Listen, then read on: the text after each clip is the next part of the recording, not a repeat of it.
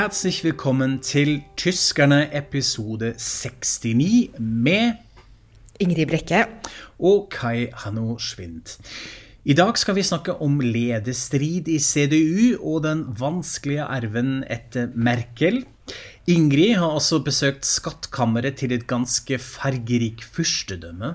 Og i ordspalten snakker vi om mat. Det blir deilig. Men først, eh, Ingrid, du er jo på reise. Du har vært i Berlin, og nå har du reist videre.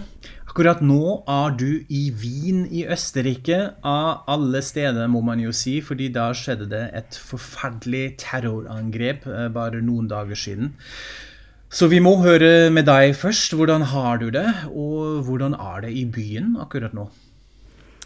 Jo, nei, det var jo utrolig dramatisk og, og grusomt, eh, det som skjedde. Jeg kom jo hit på mandag sånn i firetida. Eh, møtte et par venner, og vi rakk akkurat å gå ut og spise middag og komme tilbake. Og så tikka denne nyhetsmeldinga om angrep eh, inn. Eh, og da var det jo bare å sitte klistra til eh, skjermen da, og følge med på, på hva som skjedde, og hvor stort er dette, og, sånn. Og eh, det var veldig dramatisk å se at eh, innenriksministeren sa på TV at eh, til dere som er på kafeer og restauranter i, i sentrum nå, gå bakerst i lokalet. Så da skjønte man at eh, her er det eh, virkelig ting eh, som er helt ute av kontroll. Eh, og så tikka det jo inn etter hvert da hvor mange som var døde og såra og, og sånn. Uh, og så trodde man jo lenge at det var flere personer. Så det var jo også det der at man måtte legge seg med den uroen at det enda var andre bevæpna folk rundt omkring i byen som man ikke visste hvor var. Og hele natta hørte man jo sirener og helikoptre og sånn. Og selv tirsdagen eh, på formiddagen så var det fortsatt sånn at man trodde at det kanskje var flere, da. Ja. Eh, men det viste seg jo at det var bare én, og han var jo blitt eh, eh, drept av politiet nesten med en gang. Sånn at, eh, så sånn var det, men det var virkelig en uhyggelig og, og, og forferdelig kveld. Og eh, dagen etter så dro jeg også til eh, åstedet, altså hele den sentrum Dette skjedde jo i det som heter Bezirk 1, altså mm. den innerste delen av Wien sentrum. Ja. Var jo også sperra av dagen etter. Så jeg, jeg dro dit, og, og da var det egentlig bare noen sånn journalister og, og eh, politi som var der. eh, og nesten ikke et menneske ute, og veldig sånn ja, egentlig uhyggelig, vil jeg si. Ja. Eh, og ellers så var jeg ikke noe ute i går, men i dag, eh, altså to dager etterpå, så har jeg bare vært litt ute i mitt nærmiljø, som er da eh, i åttende cirka, altså nabobydelen. Eh, og da føltes det sånn ganske normalt. Folk går rundt og går, går i butikker og sånn. Eh, men jeg må jo også tilføre da at eh, hva vet vel jeg om hva som er normalt i Wien? Jeg kjenner jo ikke byen så veldig godt. Og, og dessuten så er jo eh, Det er jo også en, en sånn koronalockdown her. Ja. Eh, som de starta med i går. At eh, ingen restauranter og kafeer skal være åpne. Eh, alle blir bedt om å holde seg hjemme etter klokka åtte om kvelden og sånn. Ja. Så det er vel ingenting som er helt eh, normalt her nå Nei. uansett, må jeg Nei. si. Ja, det vil jeg også si. Altså, jeg var jo i Wien i februar, rett før lockdownen egentlig. Og jeg har vært der før òg, og det pleier å være ganske busy da. I, spesielt i sentrale besirker. Det pakket med folk også, med mange turister selvfølgelig. Så det høres nok ut som det er en litt annen stemning. Hvordan var det med de offisielle reaksjonene? Altså Dessverre har det jo blitt en sånn nesten sånn ja, en, en viss retorikk hvordan man svarer på dette. Det samme som skjedde i Frankrike nå. Hvordan har kansler Kurz svart på det hele? Hvordan blir det tatt imot? Ja, det har jo vært en del kontrovers her eh, i, i ukene og, og månedene før dette skjedde, om hvordan skal man snakke om eh, muslimer, islam og islamisme. Eh, og hvor, hvor eh, Kurz har fått mye kritikk for å være veldig sånn hard i, i ordbruken. Mens eh, eh, regjeringspartneren De Grønne eh, syns det har vært viktigere å prøve å være litt inkluderende og ikke skyve fra seg grupper i samfunnet. Sånn at dette har vært sånn, et ganske hett tema her, sånn som jeg har forstått. Eh, og Kurz har vært ganske tøff altså, og, og, og sånn. Men eh, den talen han holdt etter terrorangrepet, den eh, har nok blitt oppfatta som veldig inkluderende og klok, hvor han sier sånn Dette er ikke kristne mot muslimer. Det er ikke østerrikere eh, mot migranter. Dette er sivilisasjon mot barbari. Eh, og prøve å liksom forene og forsone. Og det eh, har så, det, så, langt jeg har fått det med meg, så mm. har det eh, blitt slått, slått, ganske godt an, og, og, og, at folk er ganske fornøyd med hvordan regjeringa og også innenriksministeren, som har vært veldig, veldig profilert, har, har snakka og håndtert dette. Mm.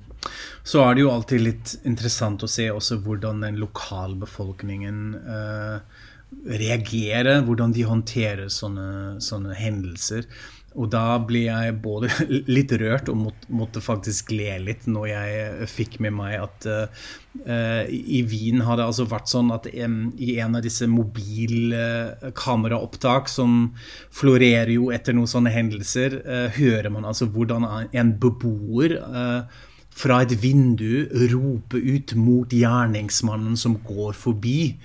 Uh, Sleich du Arschloch, i en sånn Wien-aksent som man kan kanskje oversette med 'pell deg vekk, din rashøl'. Uh, som nå har blitt altså et slags ordtak som man har ført videre og har uh, gjort om til en slags hashtag. Folk bruker det for å smykke Facebook-profilene sine. De bruker det som hashtag. Det blir sitert.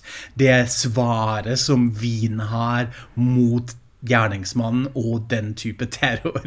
sleit de to slår, Eh, som, som, jeg, eh, med mitt uh, utenforblikk, men også med å være litt kjent med den mentaliteten i Wien, syns jeg passer veldig godt. At de reagerer på en litt sånn litt grov og litt ironisk måte også. altså Her er det ikke 'je suis vin' eller sånt, men man, man bruker et banneord. Det syns jeg var egentlig ganske betryggende, at uh, folkesjelen er up and running, på en måte.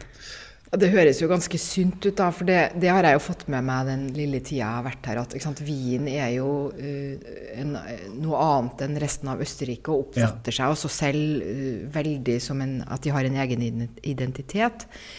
Og kanskje kjernen i den identiteten er denne kafékulturen mm.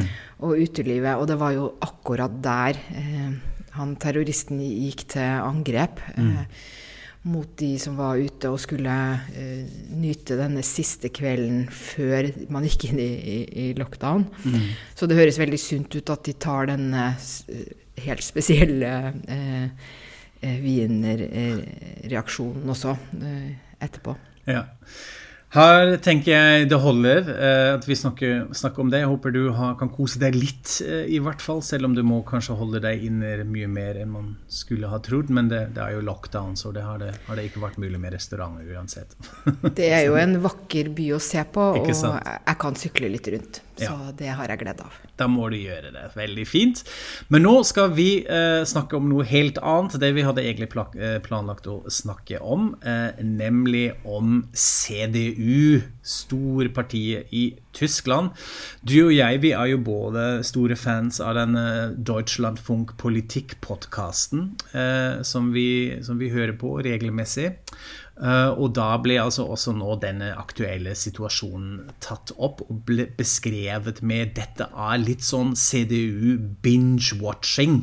Uh, altså det som, som, skjer egentlig siden uh, Anne Gret Kram-Karmbauer trakk seg offisielt for å være styrer i, styreleder i CDU i, i, februar, har vært veldig, veldig spennende. Nemlig en slags persongalleri. Ulike folk som prøver å profilere seg, og som da skal skal uh, bli etterfølger.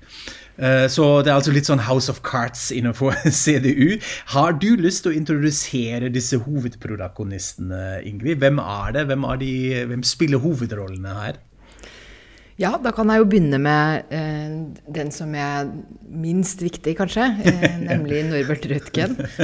Eh, en birolle. ja, han er nesten en birolle. Ja. Eh, det er ikke så mange som tror det blir han mm. som blir ny partileder. Men eh, han stilte, da han stilte, så sa han at det var for å hindre at lederspørsmålet skulle bli eh, avgjort på bakrommet. At han syntes det var mm. kjempeviktig for partiet å ha en åpen eh, en åpen uh, valgprosess. Og det har de jo hatt veldig åpen, vil jeg si. Ja. uh, og han er da leder i, i utenrikskomiteen i parlamentet, eh, og eh, fra Nordre Vestfalen. Det er de for øvrig alle tre, bare sånn at du sier det med en gang. Mm -hmm. eh, og ja. Og jeg tenker at man kan velge å bare se på han som marginal, men det, det som er alltid så spennende i sånne politiske prosesser, det er det at når man endelig skal ta et valg, og det har pågått eh, ting over lang tid, så kan plutselig det oppstå et behov for en annen person. Mm. Eh, at den som ligger lavt, plutselig kan rykke opp til å bli favoritt fordi det har skjedd noe med de som har vært mest i søkelyset. Så vi skal ikke liksom helt avfeie, da.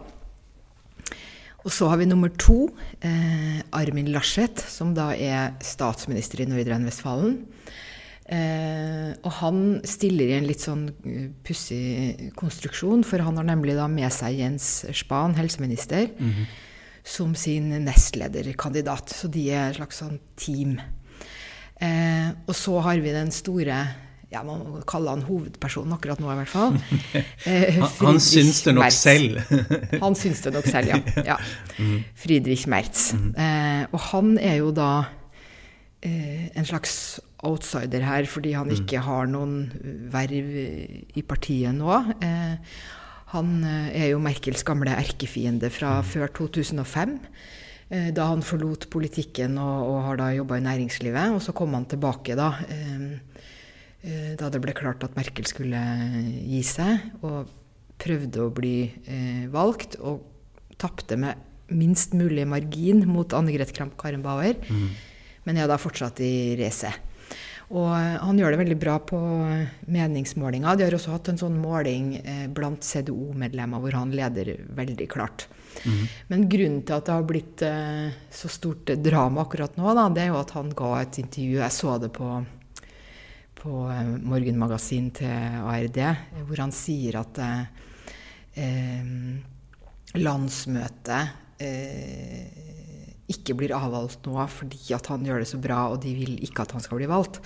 For det er jo den, det store altså Hva skal man kalle det? da, Den røde tråden i dette er jo at de skulle hatt landsmøte i mars, og så ble jo det utsatt til begynnelsen av desember. Og nå begynner det å gå opp for dem at de kan ikke ha noe eh, fysisk landsmøte i begynnelsen av desember, 1000 mennesker i en hall. Mm.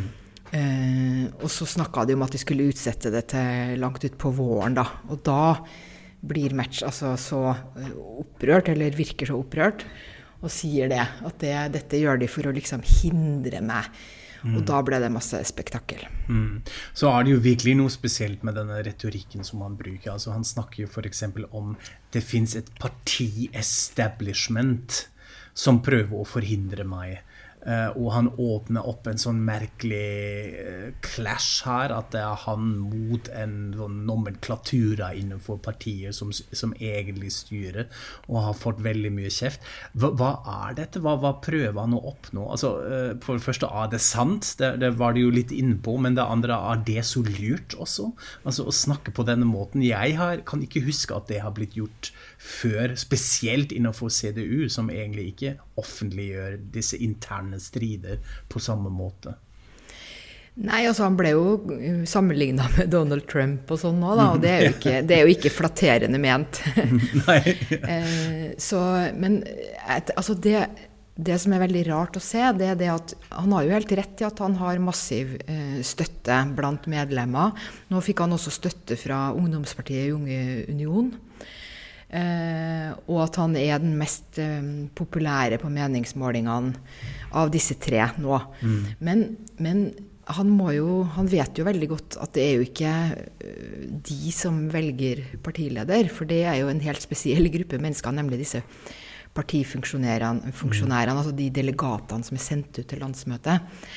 Og de setter nok neppe så stor pris på det som føles som en sånn uforutsigbar løs kanon som går til mm. angrep på dem eh, og deres eh, system. Så det virker kjemperart, altså. Men, men eh, kanskje tenker han at eh, litt sånn at hvis det kommer til krita, og de er veldig i tvil og, og sånn, at en sånn ekstern popularitet kan eh, slå an, da. Jeg vet ikke. Ja, kanskje det.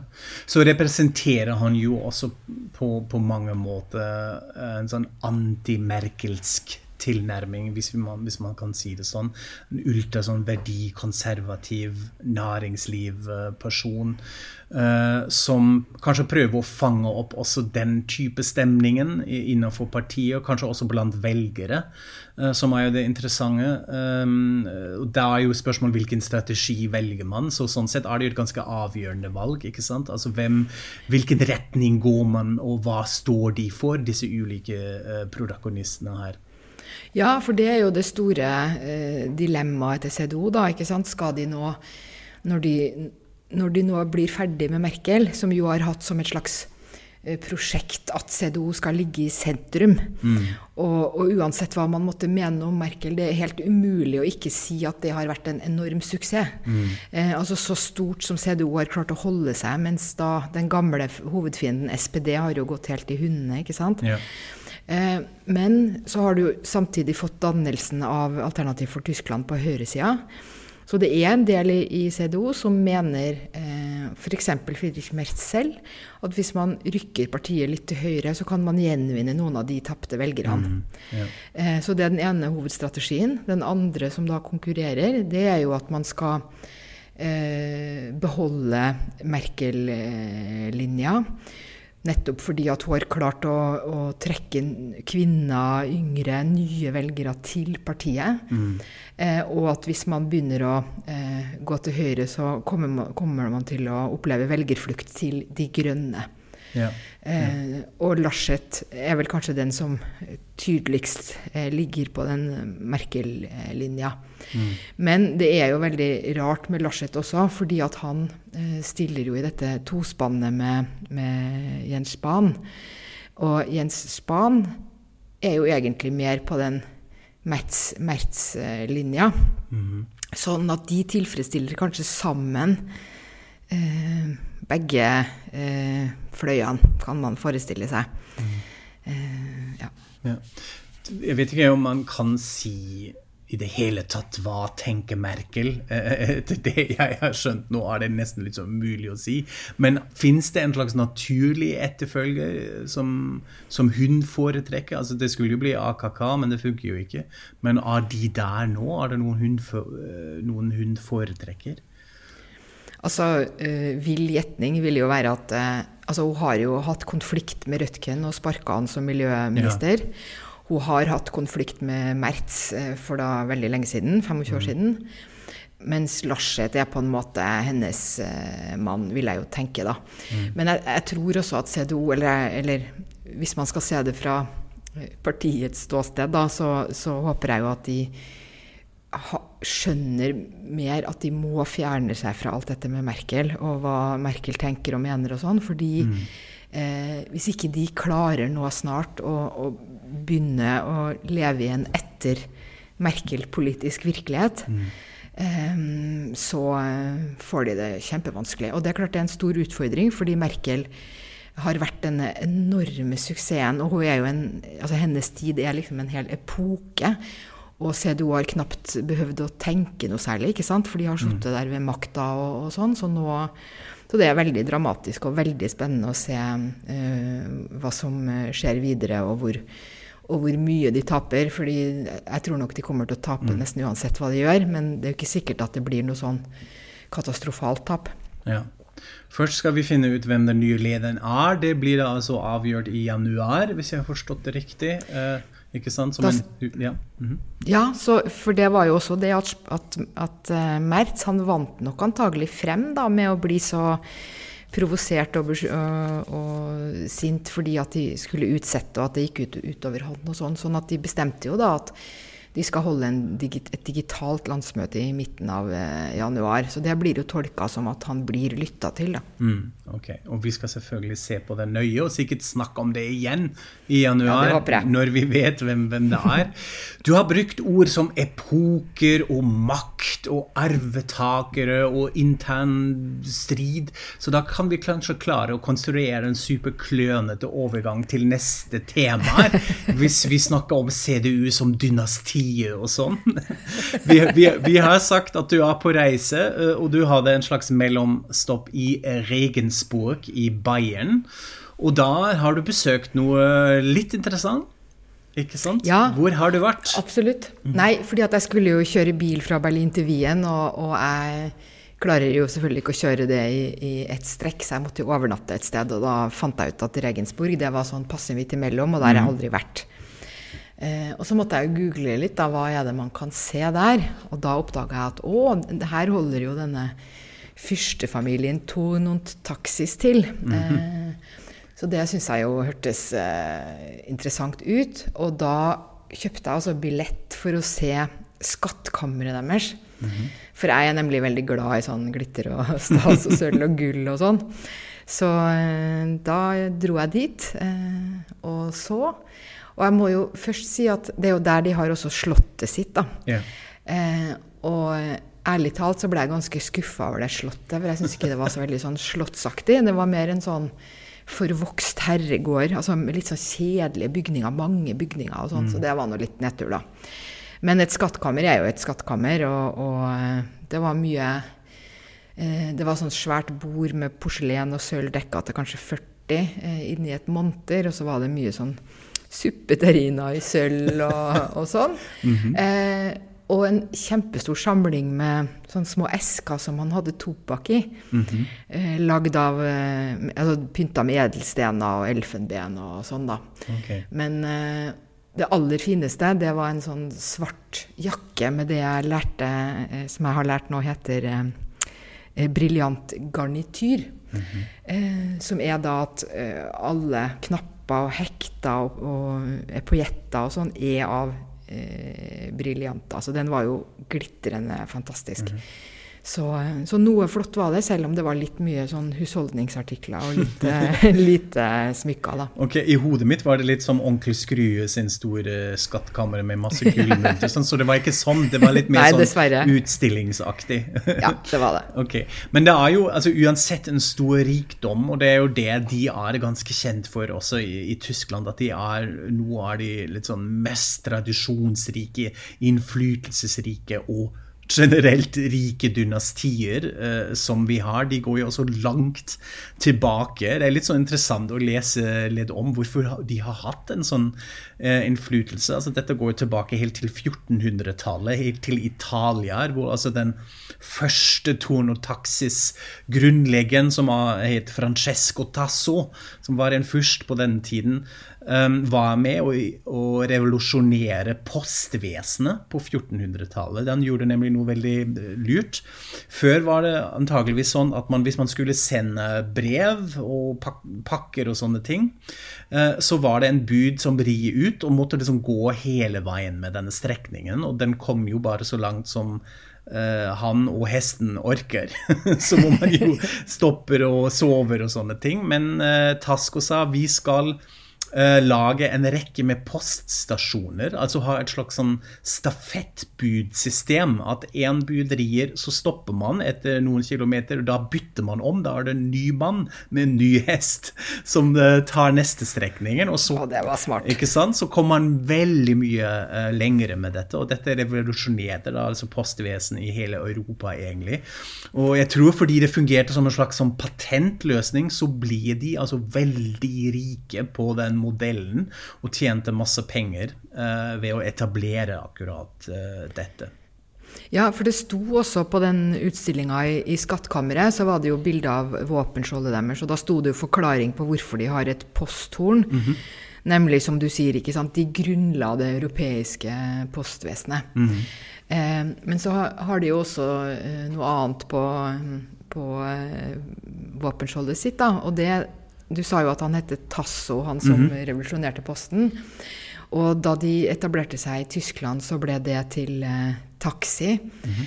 eh, og eh, eh, når jeg googla nå, så sa jeg Å ja, så de heter altså Tårn og Dags. Er på en måte, ja, det, det, det er på, på tysk. Dags. Og så tenkte jeg Dags, ja, men det er jo Ja, ja, kanskje det var sånn at eh, sånne dagshunder var veldig luksusaktige den gangen. Så de hadde sånne små selskapshunder ved hoffet, og da var det fint å ha på våpenskjoldet. Og så så jeg på våpenskjoldet og så tenkte jeg men det er jo ikke en dags, det var en veldig dårlig lagd dags. Men så fikk jeg sjekka, da, og det betyr jo ikke dagshund, det betyr jo grevling. Ja, ikke sant. Så grev, de har en grevling på Vappenskjoldet. Det er jo litt rart, det òg, da, men det er nå en annen sak. Ja, det, det, er litt merkelig, men det går i den retningen. Så er det interessant å se hvordan de har også klart å opprettholde denne, denne innflytelsen og denne, denne makten. Eh, F.eks. ble altså også en Torno eh, da den såkalte prinsipalske kommissæren til keiseren på 1700-tallet, altså i det hellige romerske riket av tyske nasjoner. Altså sånn en, som en slags uh, stell, uh, stellfortreter. Jeg glemmer alltid det norske ordet. Stedfortreder. Stedfortreder, takk, Ingrid. uh, som da igjen sikra dem masse status, makt og penger, og det har de da altså klart å opprettholde antageligvis til i dag. Men så er det jo kanskje først og fremst eh, den, eh, en, en, ganske sånn eh, ja, fargerik skikkelse som vi forbinder med, med, det i dag, nemlig Gloria von Torn und Taxis, ja. som, som, gifter seg med um, fyrsten på 80-tallet, Leopold von Torn und Taxis. Og så var det masse tabloid interesse rundt henne, da, fordi hun hadde litt sånn rare punk-frisyrer og gikk ut og festa og var litt en sånn Kanskje enda mer fargerik, Mette-Marit-aktig type. Uten sexskandale, da, men uh, Ja, iscenesatt seg selv litt sånn også. Dette var litt sånn punk-fyrstinne på 80-tallet. Men så døde mannen ganske tidlig, jeg tror det var 1990. Og så uh, hadde hun en litt sånn merkelig forvandling, i hvert fall i offentligheten. Da ble frisyrene litt penere og antrekket litt, litt mer eh, snill og ordentlig og flink pikete. Uh, og hun fremsto som mye mer konservativ enn før, også sånn erkkatolsk. Uttalende sine familieverdier osv. Og, så videre, og, så og så førte dette jo bl.a. til en ganske stor skandale, kan sette det litt i anførselstegn, uh, når hun i et TV-intervju i 2001 uh, blir spurt om hennes uh, veldig konservative familie- og verdisinn og også seksualmoral. Uh, og ble konfrontert med hvordan kan du da støtte en sånn pave som bl.a. reiser til Afrika og sier nei, ikke bruk kondomer, dette ikke er riktig hvis vi har en aids-pandemi her og mange som dør.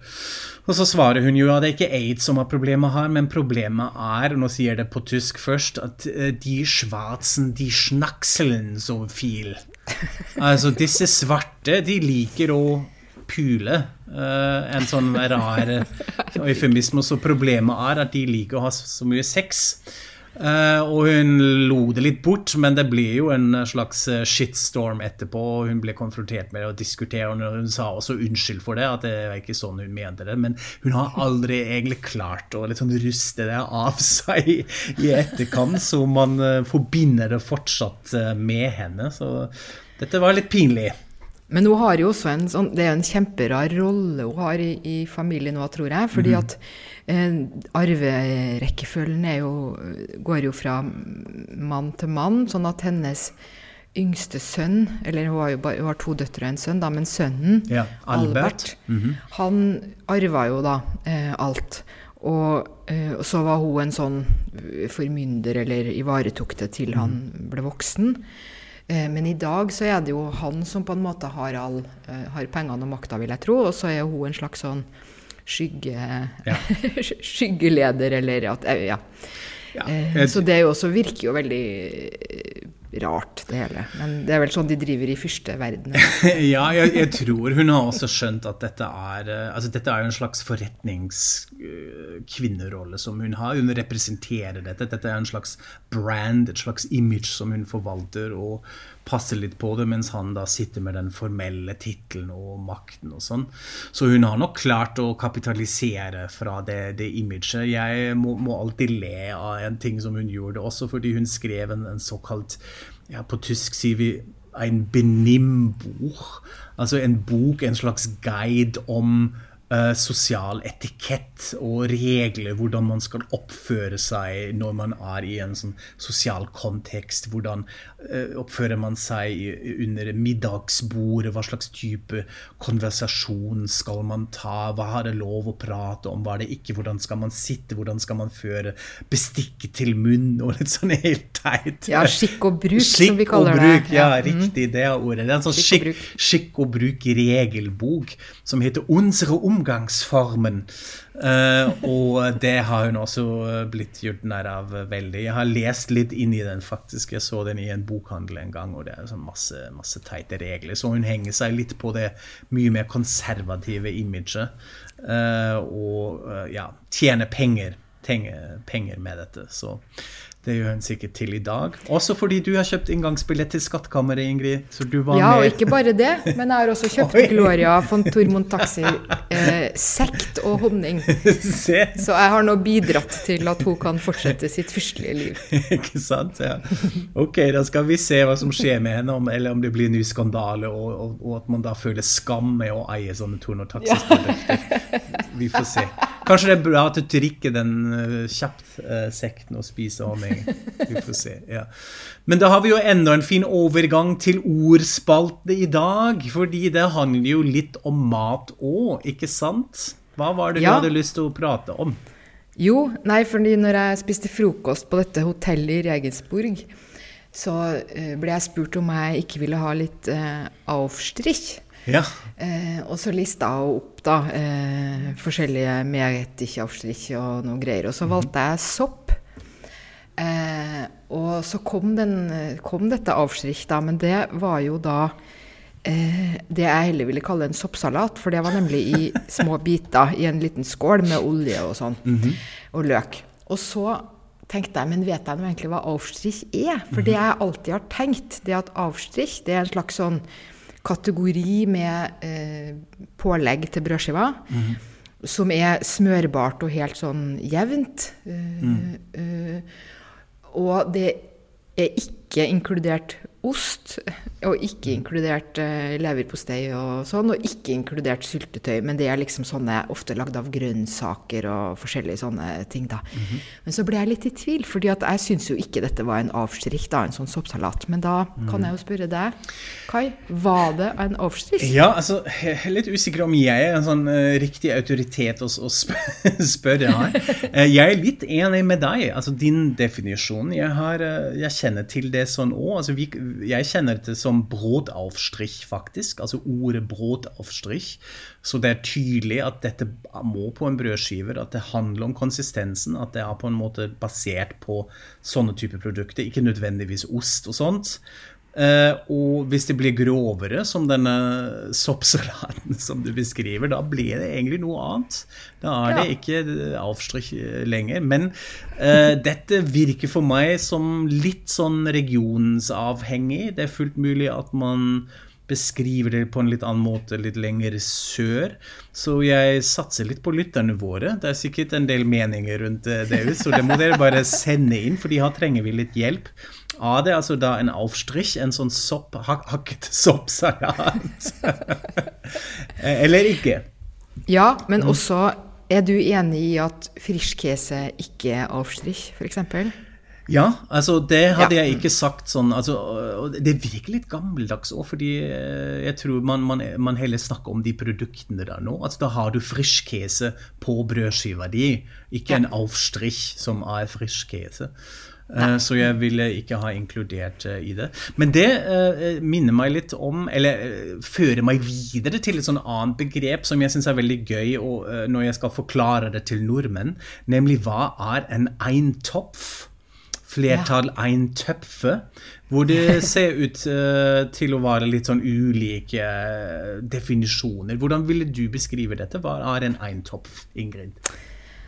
Altså, Jeg ville vel kalle det en slags gryterett, men det er jo ja. ikke en gryterett sånn som bøff bourguignon eller coq au vin eller noe sånt. Mm. Det er en mye mer sånn uh, Kanskje heller mer en slags uh, tjukk uh, suppe uten sånne store kjøttstykker ja, og sånn nettopp. oppi, da. Mm. Ja. Absolutt. Altså, det er også min definisjon, som, som jeg pleier å si det, at det er en sånn tjukk suppe. ofte basert på sånn bønner og lenser og erter erter og sånn. Altså denne type sjangeren. Ikke så mye kjøtt nødvendigvis, selv om det fins òg. Du kan ha litt sånn pølse inn og kjøttbiter, men et sånn basen er uh, denne type grønnsaker. Uh, og så er det hovedrett, som, som ja, også avgjørende for meg, i hvert fall. Altså, dette er ikke en sånn slags tilbehørsuppe eller sånn førsterettsuppe. Sånn. Dette er hovedretten. Dette er mektig og stor. Litt sånn høstmat også. Altså, man spiser ikke så mye av det på sommeren, kanskje.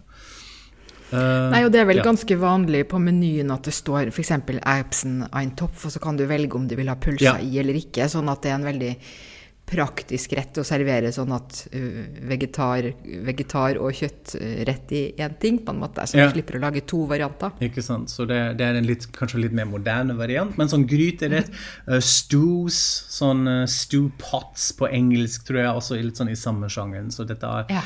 det er ganske deilig. Og jo mer vi prater om det nå, skjønner jeg at jeg virkelig begynner å bli litt sulten og får lyst på en topf. Det må vi fikse.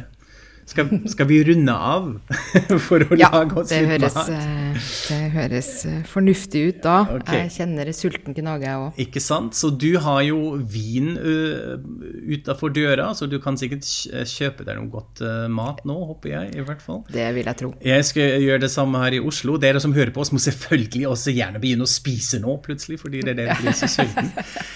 Vi er straks tilbake. Takk for oss. Følg oss på Facebook og på Instagram Eh, hvor vi fortsetter å legge ut eh, bilder, også fra reisen til Ingrid. Og så høres vi straks igjen og sier auf Wiederhøen. Auf Wiederhøen.